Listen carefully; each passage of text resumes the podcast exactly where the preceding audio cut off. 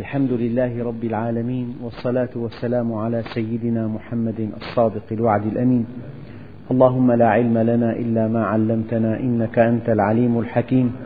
اللهم علمنا ما ينفعنا وانفعنا بما علمتنا وزدنا علما. وأرنا الحق حقا وارزقنا اتباعه. وأرنا الباطل باطلا وارزقنا اجتنابه. واجعلنا ممن يستمعون القول فيتبعون أحسنه. وأدخلنا برحمتك في عبادك الصالحين. أيها الإخوة المؤمنون مع الدرس التاسع من سورة سبأ ومع الآية الأربعين التي تبدأ بقوله تعالى ويوم يحشرهم جميعا ثم يقول للملائكة أهؤلاء إياكم كانوا يعبدون؟ قالوا سبحانك أنت ولينا من دونهم بل كانوا يعبدون الجن أكثرهم بهم مؤمنون. أيها الإخوة الأكارم هذه الآية فيها توجيه تربوي. يعني يعبر عن هذه القاعدة التربوية بكلمة إياك أعني واسمعي يا جارة. إذ قال الله يا عيسى ابن مريم أأنت قلت للناس اتخذوني وأمي إلهين من دون الله؟ قال سبحانك.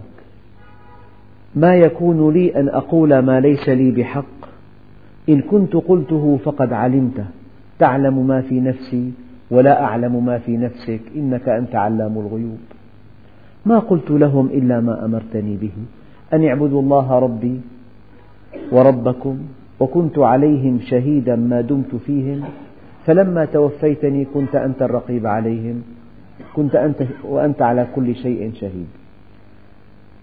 يا ترى من المقصود؟ سيدنا عيسى؟ إطلاقا.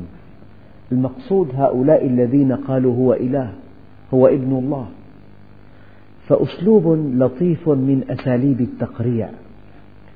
إذا أردت أن تقرع إنسانا أن توبخه أن تضعه أمام خطئه الشنيع أن تظهر فعلته السيئة فاتركه واسأل آخر وليسمع من الآخرين حجم فعلته. الله سبحانه وتعالى يقول ويوم يحشرهم جميعا. هؤلاء الوثنيون هؤلاء الذين عبدوا الأوثان.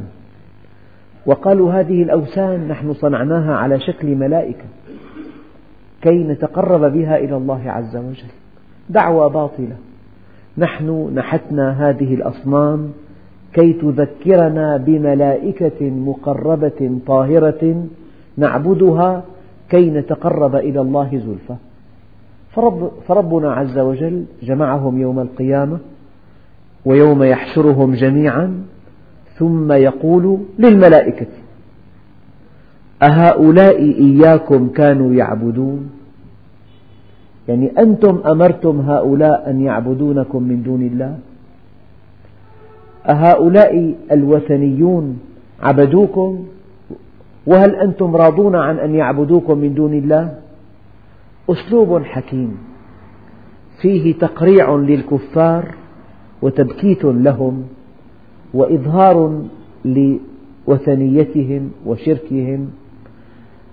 قالوا سبحانك يا رب أنت منزه عن الشريك أنت منزه عن الولد أنت منزه ونحن ليس في إمكاننا أن ندعي أو أن نأمر أحدا أن يعبدنا من دون الله. سبحانك يا رب. قالوا سبحانك. ومعنى سبحانك؟ أي أنت منزه عن ذلك. وقد يضاف إلى التنزيه معنى التمجيد. إذا قلت سبح لله ما في السماوات أي نزهه عن كل نقص ووصفه بكل كمال. هو التنزيه يقتضي التمجيد لكن التمجيد من باب التأكيد. فالتسبيح بمعنى التنزيه والتمجيد. يعني أنت يا ربي منزه عن كل نقص وأنت أهل لكل كمال. فسبحان الله والحمد لله ولا إله إلا الله والله أكبر.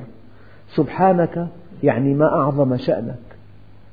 ما أبعدك عن هذه الأقاويل. ما أبعدك عن هذه الوثنيات. سبحانك أنت ولينا من دونهم يعني أنت الذي تتولى أمورنا. أمرنا بيدك وحده بيدك وحدك. سبحانك أنت ولينا من دونهم. لماذا؟ لأن الكفار يتخذ بعضهم بعضا أربابا من دون الله. الله ولي الذين آمنوا يخرجهم من الظلمات إلى النور. والذين كفروا أولياؤهم الطاغوت. يخرجونه من النور إلى الظلمات. فالمؤمن وليه الله يهتدي بهدى الله ويسترشد بإرشاده ويقتدي بنبيه ويطبق أمره ويقيم منهجه. أنت ولينا من دونهم. بل كانوا يعبدون الجن أكثرهم بهم مؤمنون. طبعا الجن أكثر الجن هدفهم الوحيد الإضلال. فأي إنسان يتعاون مع الجن ليضل الناس عن سبيل, عن سبيل الله عز وجل فقد كفر. لذلك قال عليه الصلاة والسلام من سحر فقد كفر. وحينما يتعاون الإنس مع الجن يزداد رهقا وشقاء. فزادوهم رهقا كما قال الله عز وجل. سبحانك أنت ولينا من دونهم بل كانوا يعبدون الجن أكثرهم بهم مؤمنون.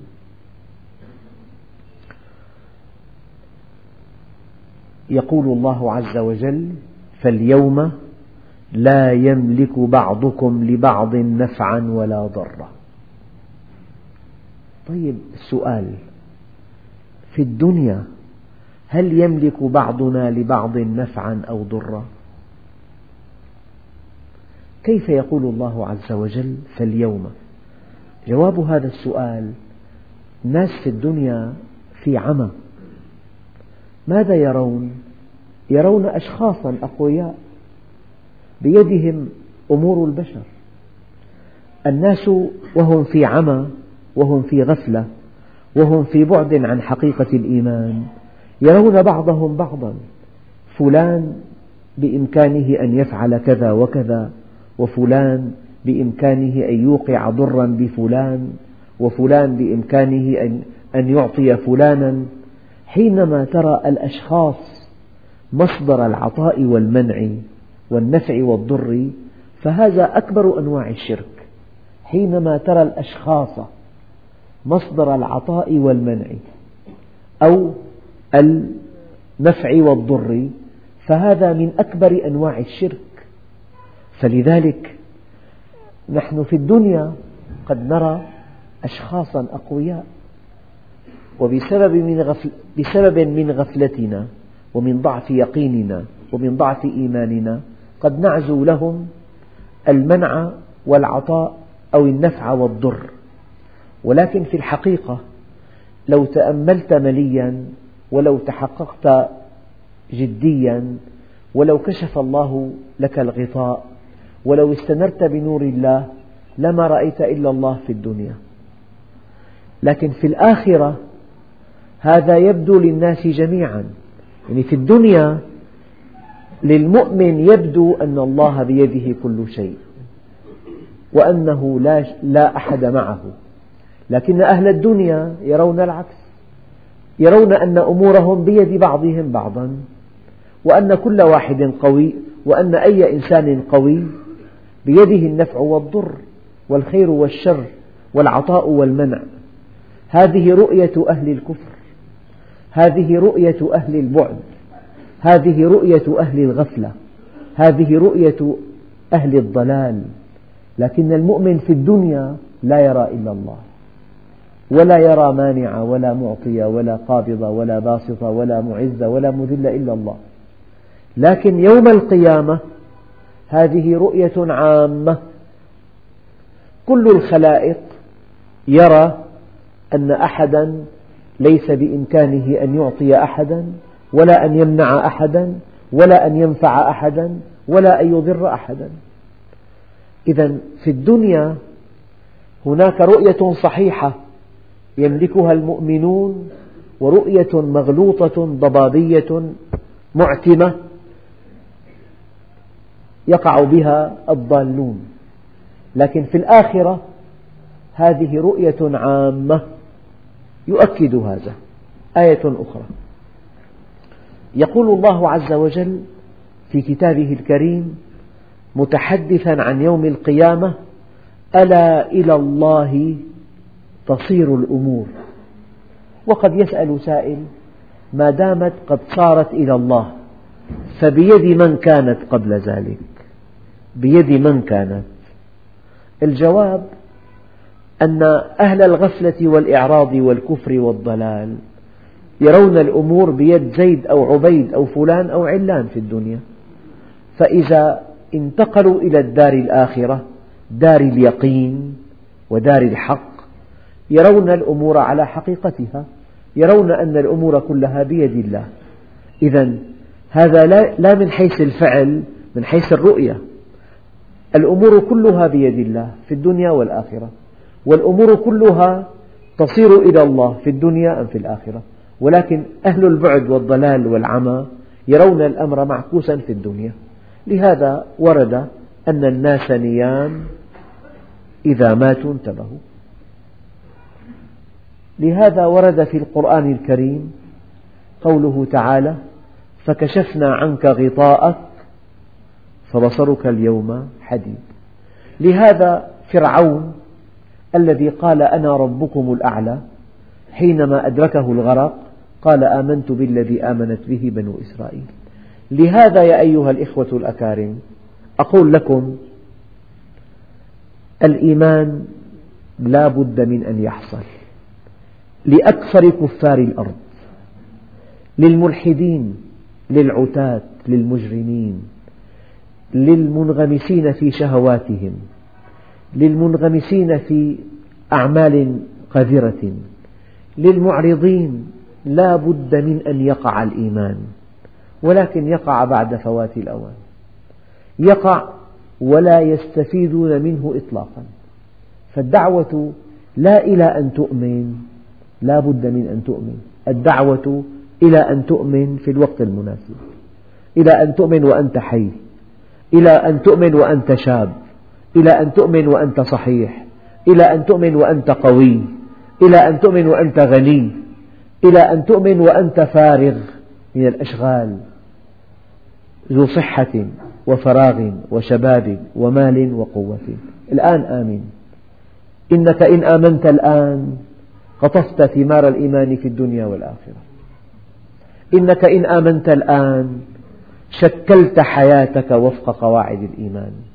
اخترت زوجتك بمقياس أهل الإيمان. اخترت حرفتك بمقياس أهل الإيمان. ربيت أولادك وفق, المنهج الإلهي. أما إذا تأخرت في الإيمان حتى شاب المشيب وحتى انحنى الظهر وحتى ضعف البصر. عندئذ أنت آمنت ولكن بين أناس ليسوا مؤمنين. بين أقرب الناس إليك أنت في واد وهي في واد. أنت في واد وأولادك في واد. لهذا الإيمان جيد والأجود منه أن تؤمن في الوقت المناسب. وأن تؤمن مبكرا من أجل أن تشكل حياتك تشكيلا إسلاميا.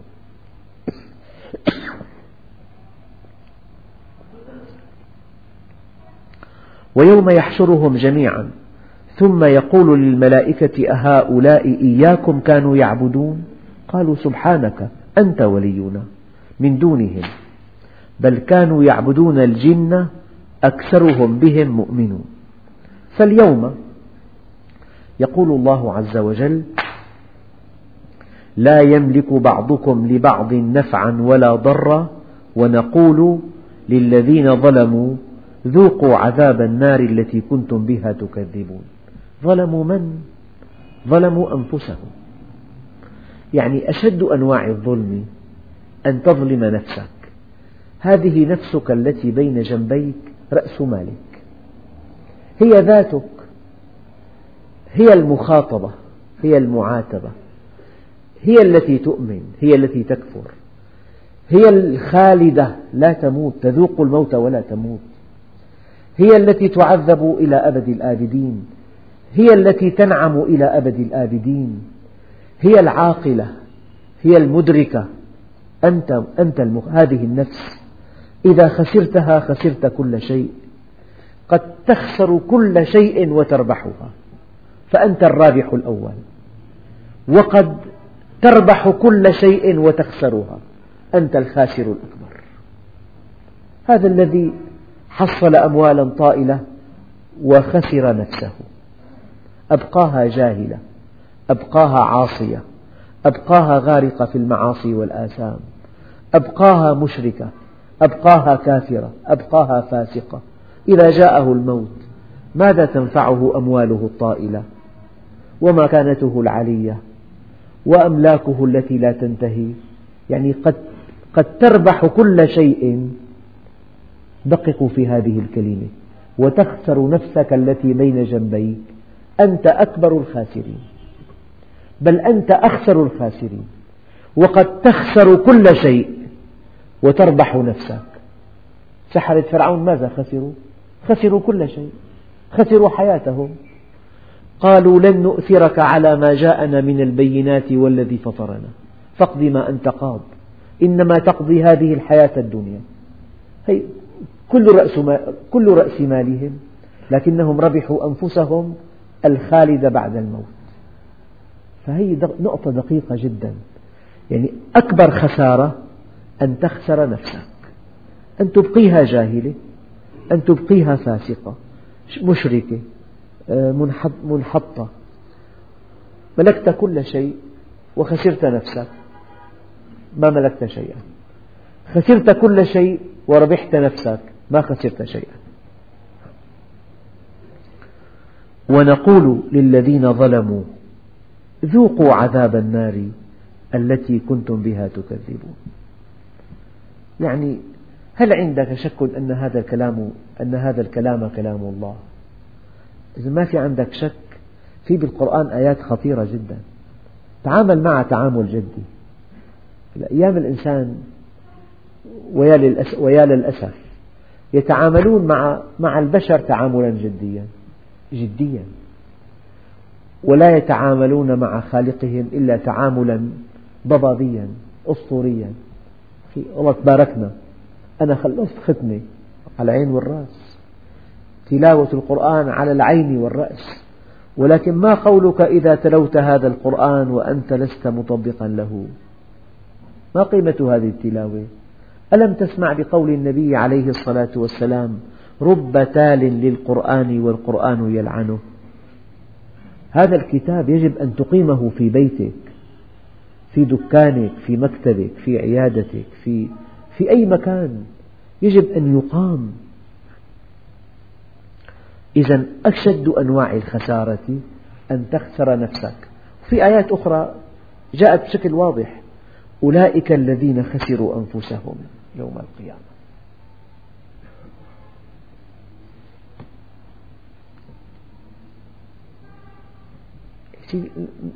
لا تبعدوا. أيام الإنسان يكون معه أموال طائلة. يصير معه مرض عضال. يتحسر على هذا المال. لماذا جمعه؟ لماذا؟ يعني أحيانا حينما تعتل الصحة يصبح المال تافها. لا قيمة له. فكيف إذا أدرك الإنسان في بعض الساعات أن المصير الأبدي هو جهنم؟ فكل ما حصله في الدنيا خسارة في خسارة. لهذا قال تعالى قل هل ننبئكم بالأخسرين أعمالا الذين ضل سعيهم في الحياة الدنيا وهم يحسبون أنهم يحسنون صنعا. وكفى بالموت واعظا يا عمر. سيدنا رسول الله يعني فيما يروى عنه تركت فيكم واعظين ناطقا وصامتا. الناطق هو القرآن والصامت هو الموت. لهذا ورد أن في معالجة جسد خاو لموعظة. ماذا يقول الناطق؟ يقول أفرأيت إن متعناهم سنين؟ متعناهم سنين. إله يقول هذا الكلام. متعناهم أموال طائلة. لا تأكلها النيران. بيوت حدائق مركبات مقاصف رحلات يخوت. أفرأيت إن متعناهم سنين؟ ثم جاءهم ما كانوا يوعدون. ما أغنى عنهم ما كانوا يمتعون. في شخص من أهل الفن اعتنى بصحته عناية تفوق حد الخيال. الرياضة والطعام النفيس والمقنن المدروس من قبل خبراء في التغذية والعشاء فواكه والحركة الرياضية وعاش عمرا طويلا ولكنه في النهاية مات أفرأيت إن متعناهم سنين ثم جاءهم ما كانوا يوعدون ما أغنى عنهم ما كانوا يمتعون. تستمعون أنتم في الأخبار أحيانا أن المليونير الفلاني ملك الحديد ملك الذهب بالعالم مات بيخت أثناء في, في رحلة بحرية. أصبح كالجيفة طبعا الموت حق. لكن لما الإنسان يجعل كل رأس ماله في الدنيا ويأتي الموت فقد وقع في أخطر مغامرة. أما إذا كان مهيئ للآخرة شيء يأتي الموت ينقله من ضيق الدنيا إلى سعة الآخرة. كما ينتقل الجنين من ضيق الرحم إلى سعة, إلى سعة الدنيا. من ضيق الدنيا إلى سعة الآخرة كما ينتقل الجنين من ضيق الرحم إلى سعة الدنيا. إذا ونقول للذين ظلموا ذوقوا عذاب النار التي كنتم بها تكذبون. طيب أنا أناشدكم الله عز وجل. لو أن أحدا دعي إلى مئة وليمة مئة وكل وليمة طعامها أطيب من أختها وأكل ما لذ وطاب من المقبلات إلى اللحوم إلى الفواكه إلى الحلويات. وبعد هذه الولائم المئة أصابه ألم في أضراسه ولم يهتدي إلى طبيب في الليل وأمضى أربع ساعات يقول لك لا يعلمها إلا الله. كيف مضت؟ يقول لك الدقيقة سنة. الدقيقة. طيب وهو في هذه الآلام الشديدة ليذكر الأكلة الفلانية والله طيبة كانت هل يذكر ذلك؟ إطلاقا. لو أراد أن يستحضر طعوم هذه الأكلات التي أكلها مئة دعوة دعي إليها ليلة واحدة من آلام الأسنان تنسيه كل هذه الولائم. فلذلك ورد أن الإنسان إذا مات ورأى مقام مكانه في النار. يقول لم أر خيرا قط في حياتي. ينسى كل المتع وكل اللذائذ وكل الشهوات وحينما يطلع المؤمن على مقامه في الجنة. يقول لم أر شرا قط. لهذا قال سيدنا علي يا بني ما خير بعده النار بخير. وما شر بعده الجنة بشر. وكل نعيم دون الجنة محقور. وكل بلاء دون النار عافية. إذا الله عز وجل أكرمك بالإيمان والإستقامة والعمل الصالح أنت الغني. لهذا قال سيدنا علي الغنى والفقر بعد العرض على الله. عندما يأتي الموت ثلاثين أربعين خمسين سنة أمضيتها في معرفة الله وفي ضبط جوارحك وفي التهجد وفي تلاوة القرآن وفي فهم كلام الله وفي خدمة الخلق وفي الإحسان إليهم وفي الدلالة على الله عز وجل. يأتيك ملك الموت تشعر أنه أقرب الناس إليك. يأتي بأحب الناس إليك. سلام عليكم. طبتم فادخلوها خالدين. ربنا عز وجل يقرئك السلام ويقول لك ورحمة ربك خير مما يجمعون. ولئن متم أو قتلتم لإلى الله تحشرون. أما الذي غاص في الدنيا إلى قمة رأسه ثم جاء يوم القيامة يقال له كما ورد في القرآن لا مرحبا بكم. وإذا تتلى عليهم آياتنا بينات قالوا ما هذا إلا رجل يريد أن يصدكم عما كان يعبد آباؤكم. يعني التعلق بالتقاليد. أين العقل؟ للآن. يقول لك هيك ربينا أنت ربيت غلط. أهلك ربوه غلط. ربينا على الاختلاط. ربينا على سماع الغناء. ربينا على غيبة الناس. أخي هي شيء متأصل فيني هيك ربيان. يقول لك هي بيئة. شو هي البيئة؟ البيئة إله تعبدها من دون الله. تقاليد. شيء ورثناه. البيئة والتقاليد والعادات ومظاهر والمظاهر الاجتماعية. هذه إذا تعارضت مع الشرع يجب أن تكون تحت قدمك. لازم الشاب يجلس مع زوجته أمام مئة امرأة كاسية عارية وهو مسلم. وزوجته مسلمة. وعنده وجماعة محافظين كمان. هي كلمة محافظين. شو هي محافظين يعني. على إيش محافظين؟ عندهم عندهم خلفية دينية. شو هي الخلفية الدينية دين أو غير دين؟ ما في خلفية دينية. دين معناها مستقيم.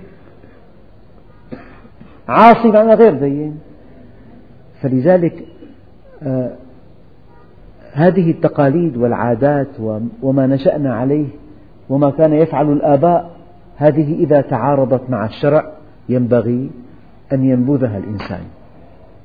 وإذا تتلى عليهم آياتنا بينات نص قرآني واضح الدلالة قطع الدلالة كلام خالق الكون يأمر وينهى تقول له قال الله عز وجل يقول لك بس آه، فلان ما قال هيك.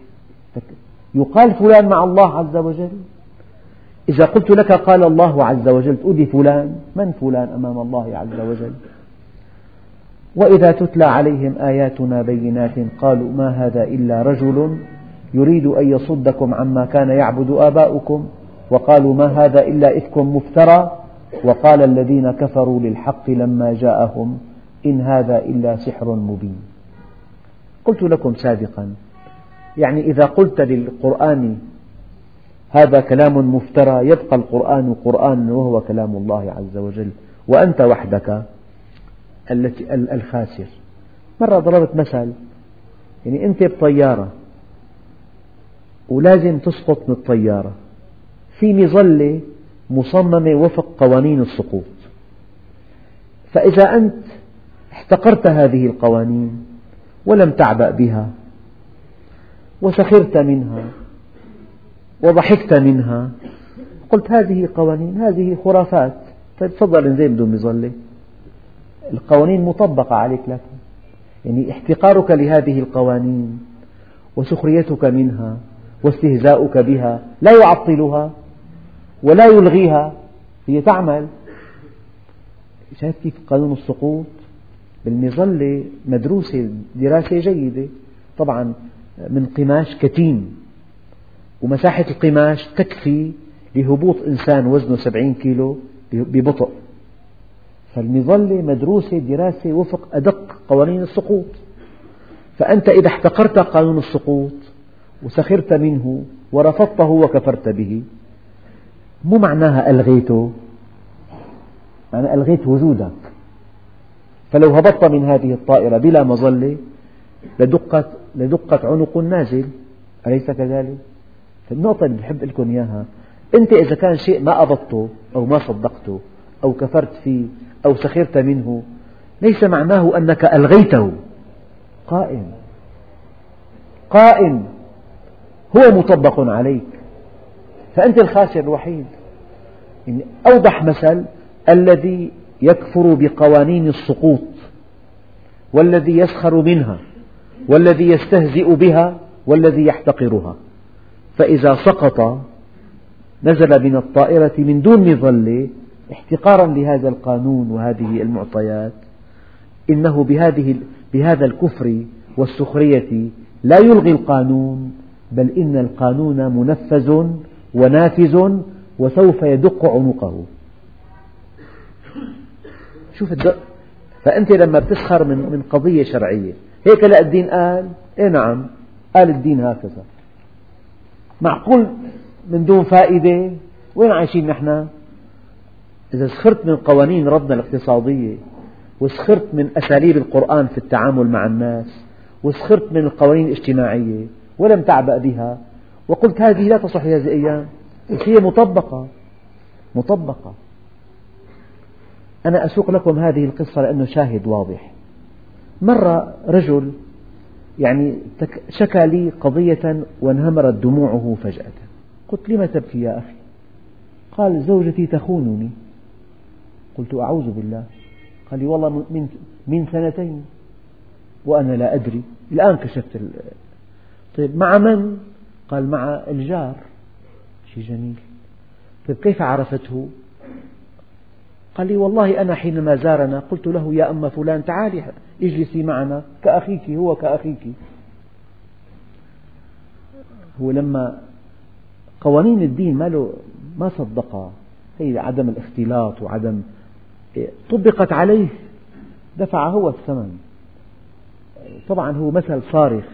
إذا أنت اللي الله أمر فيه قل للمؤمنين يغضوا من أبصارهم ويحفظوا فروجهم ذلك أزكى لهم وأطهر.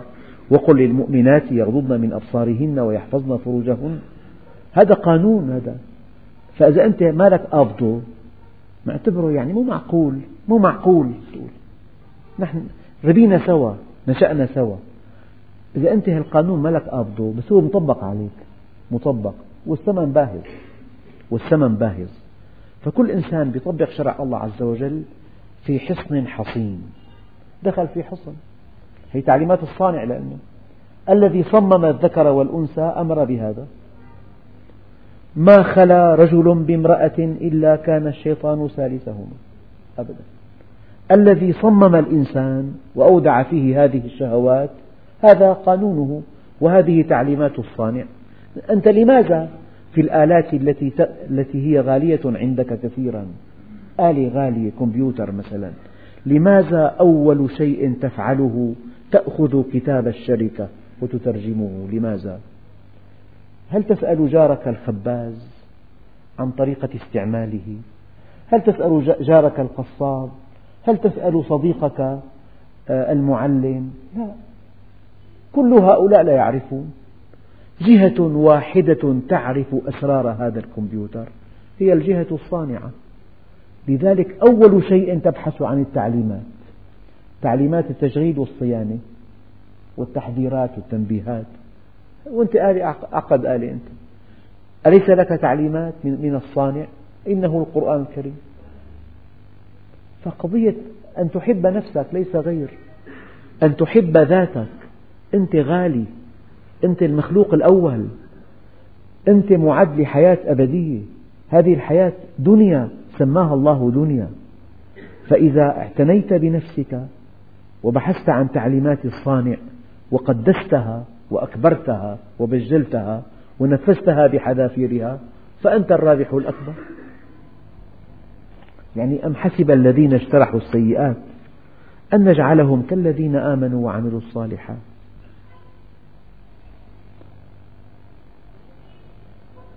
وما آتيناهم من كتب يدرسونها وما أرسلنا إليهم من قبلك من نذير.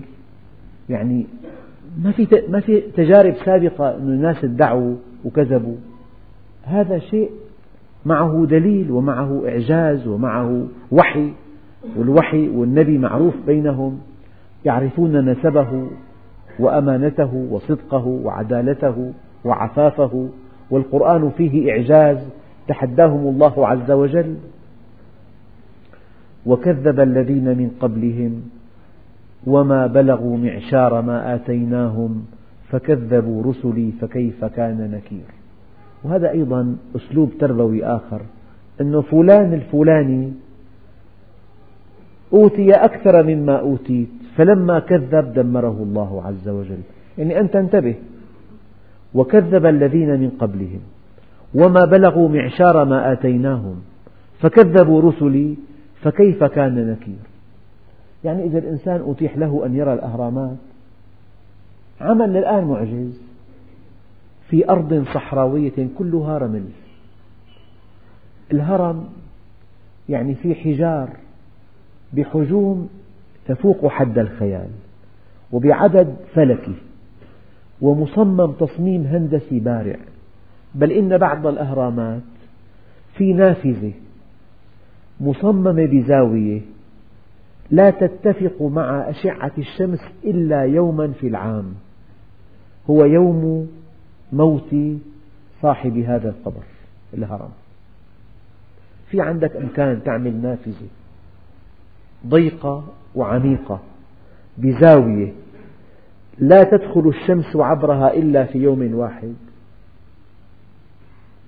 شيء معجز. من زار قبور الفراعنة مدافن يرى الشيء الذي لا يصدق ومع ذلك كذبوا فأهلكناهم. من أنتم؟ كذبوا فأهلكناهم. للآن سر التحنيط غير معروف للآن. أنت أمام فرعون موسى قبل ستة آلاف عام كأنه هو. وهذا مما يؤكد قول الله عز وجل فالآن ننجيك ببدنك لتكون لمن خلفك آية. وقبل سنوات أعتقد أخذوه إلى فرنسا ليرمموا بعض التعفنات واستقبلوه بالمطار استقبال الأباطرة ووقفوا سلم الحرس حيوه وصل قبل ستة آلاف عام هو هو. هذا تحنيطا وكذب الذين من قبلهم وما بلغوا معشار ما آتيناهم. يعني أنتم ماذا عندكم؟ ليس عندكم شيء. أحجار الأهرام قيل إنها جلبت من أسوان. طيب كيف حمل حجر 8 أمتار 10 أمتار طوله. وزنه سبعين ثمانين طن. كيف حمل من, من, من أسوان؟ طيب عبر النيل. طيب مراكب ضخمة معناها. طيب من شاطئ النيل إلى موقع الهرم في عشرات كيلومترات أو في عشر كيلومترات تقريبا من شاطئ النيل. فهذا معنى في أقوام الأنباط بالأردن. مدينة بأكملها محفورة بالصخر. الحمامات والقصور والبيوت وقاعات المحاكمات كلها اذهب وانظر. هذه الآثار يعني سمح الله أن تبقى لا لأجل أن نرتزق منها من أجل أن نعتبر بها. هذه الآثار. هذه التدمريون آثار تدمر شاهدة. أقوام عريقون في الحضارة. عصوا ربهم فدمرهم الله عز وجل. قل إنما أعظكم بواحدة. أن تقوموا لله مثنى وفرادى ثم تتفكروا ما بصاحبكم من جنة إن هو إلا نذير لكم بين يدي عذاب شديد. يعني هو الحقيقة قبل يومين ضربت لهذه الآية مثلا. طرق بابك جاءك ساعي البريد برسالة. بالله عليكم قبل أن تفتحها وقبل أن تقرأها وقبل أن ترى فحواها وقبل أن تطلع عليها أمسكتها؟ وألقيتها في سلة المهملات. يقال أين عقلك؟ اقرأها اقرأ ما فيها. قبل أن تهملها اقرأها. فإذا وجدت فيها سخفا أهملها. أما قبل أن تقرأها تهملها؟ طيب سؤال. هذا القرآن الذي بين أيدينا كلام خالق كلام خالقنا. طيب قبل أن تدخل في متاهات الخلافيات مع الناس قبل أن تدخل في الخلافيات والمماحكات والمنا... قبل كل شيء يجب أن تعكف عليه حتى تفهمه. دعوة الله للناس رسالة السماء لأهل الأرض. فقل إنما أعظكم بواحدة ربنا يعظنا خالقنا أن تقوموا لله مثنى وفرادى. تحب لحالك تحب مع أخوك؟ مثنى أو فرادى ثم تتفكروا في دعوة النبي. انظر بماذا جاء النبي. جاء بنظام كامل. شوف نظام الزواج كامل نظام البيوع كامل نظام القيم كامل. الخلق شيء مريح للناس قطع يد السارق شيء كامل. فكر في هذا القرآن. فكر في هذه السنة ثم تتفكروا ما بصاحبكم من جنة؟ ليس مجنونا ولكنه رسول رب العالمين. نبي هذه الأمة معه نور من السماء معه صراط مستقيم معه حبل الله المتين. إن هو إلا نذير لكم بين يدي عذاب شديد. نذير ينذركم إن لم تؤمنوا بعذاب شديد. هذا النذير. ينذركم إن لم تؤمنوا بعذاب شديد. قل ما سألتكم من أجر فهو لكم. إن أجري إلا على الله وهو على كل شيء شهيد. وهذه علامة الصادقين المخلصين. لا يبتغي منك أجرا لا ماديا ولا معنويا ولا مديحا ولا ثناء ولا تقريضا ولا إطلاقا. يبتغي عند الله الأجر. يبتغي عند الله الرزق. إنما نطعمكم لوجه الله لا نريد منكم جزاء ولا شكورا. قل ما سألتكم عليه من أجر؟ يعني ما في إنسان ما له أجر. هات لي إنسان واحد يجرؤ أن يذهب إلى طبيب بلا أجرة ما بيقدر. الطبيب له أجر والمحامي له أجر. والمهندس له أجر والدلال مشيه لبيت لك أستاذ أتعابنا لا أستاذ. طلع معك درج. للدرج ما في إنسان بدون أجر. إلا إذا دخلت بيت الله عز وجل. لا أجر إطلاقا لا في قسائم ولا في آه، قطع تذاكر ولا في شيء أبدا. أبواب أبواب بيوت الله مفتحة للمصلين. تعال اسمع. تعال افهم كلام ربك. تعال افهم سنة نبيك تعال تعلم سيرة نبينا عليه الصلاة والسلام. تعال تفقه في دينك. تعال اعرف لماذا أنت في الدنيا لماذا أنت مخلوق إلى أين المصير ماذا بعد الموت ماذا قبل الموت ماذا ينبغي ماذا لا ينبغي ما يجوز ما لا يجوز ما هو الحق ما هو الباطل ما هو الخير ما هو الشر. تعال. إلى متى أنت باللذات مشغول؟ وأنت عن كل ما قدمت مسؤول؟ تعال يا عبدي تعال كي أحط عنك هموما أثقلت صدرك الإنسان مع المعاصي كوابيس والله نومه شقاء. بالنوم كوابيس هموم وكوابيس في الليل وقلق وحيرة وضجر وخوف. فإذا اصطلحت مع الله عز وجل إذا رجع العبد إلى الله نادى مناد في السماوات والأرض أن هنئوا فلانا فقد اصطلح مع الله.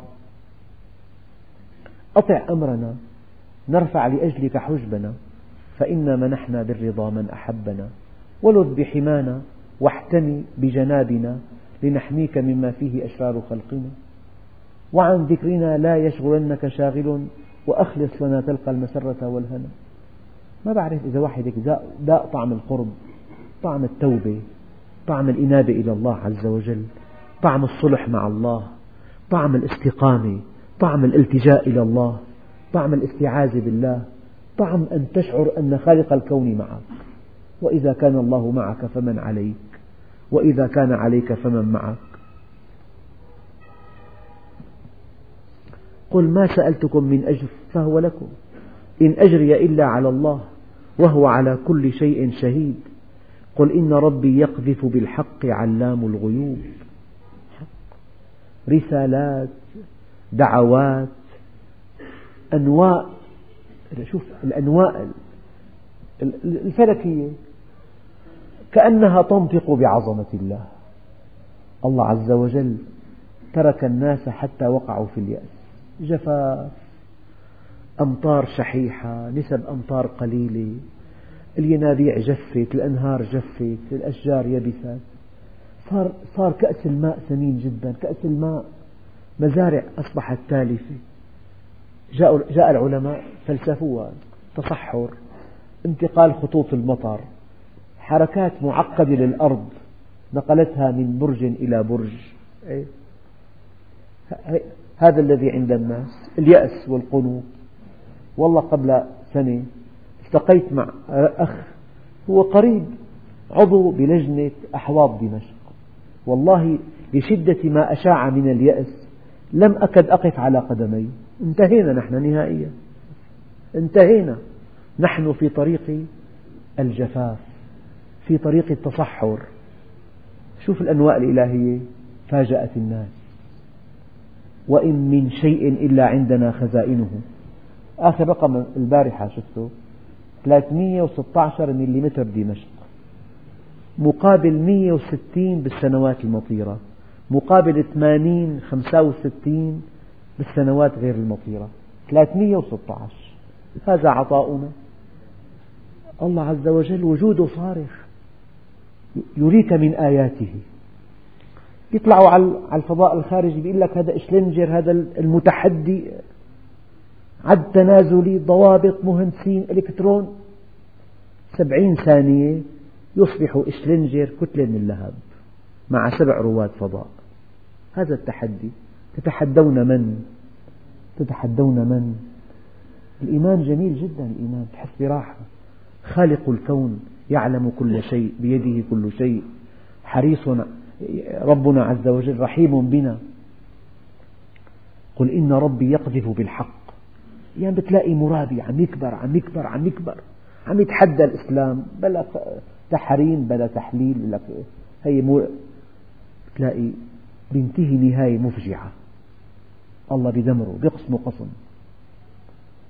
الله عم يريك يريك. كيف يحطم المتجبرين؟ كيف يحطم المنحرفين؟ كيف يقلق العصاة؟ وكيف يقوي المؤمنين ويدعمهم ويعلي شأنهم؟ أبدا. هذه الآية تكفينا هذه الآية والعاقبة للمتقين. الأمور تدور تدور. لا تستقر إلا على على إكرام المؤمن وعلى إعزازه. قل إن ربي يقذف بالحق علام الغيوب. يعني وحدة قالت لأختها لضرتها باللغة العامية أنه هي ولد على يدي.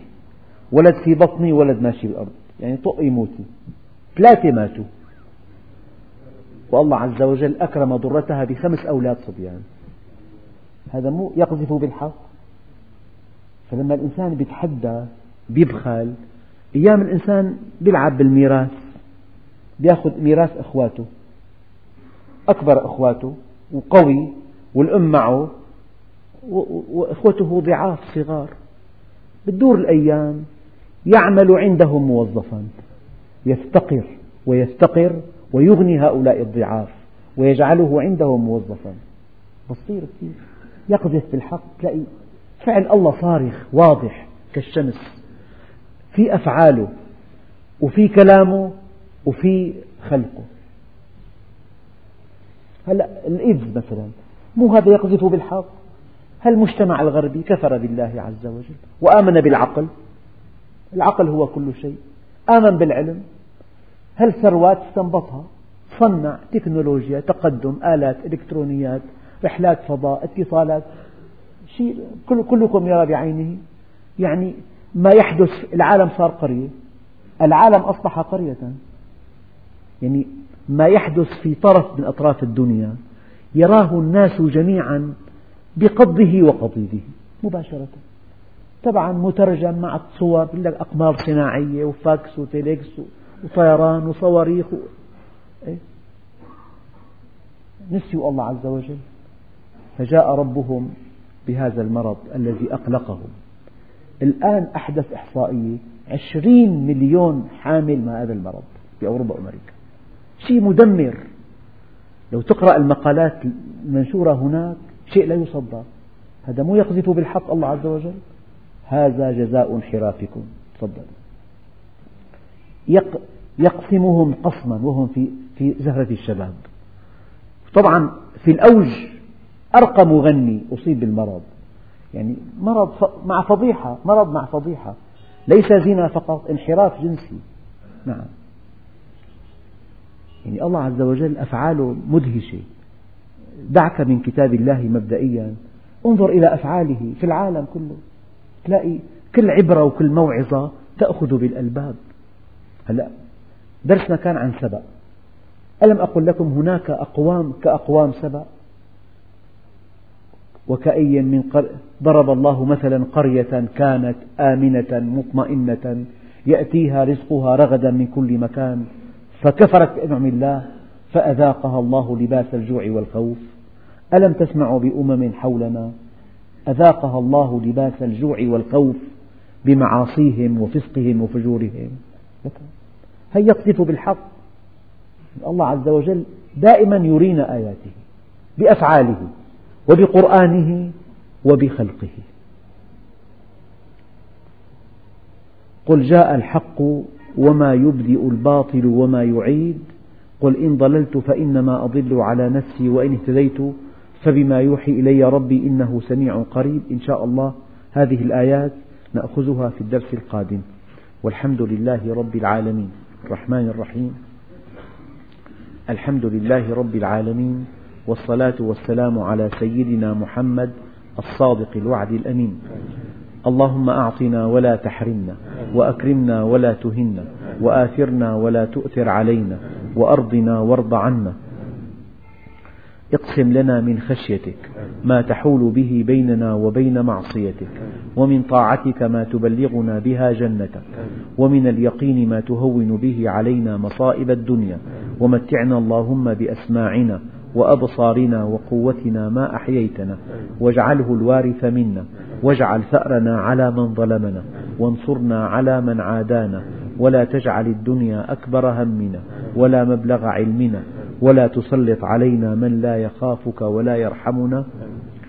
أنت على كل شيء قدير. والحمد لله رب العالمين الفاتح.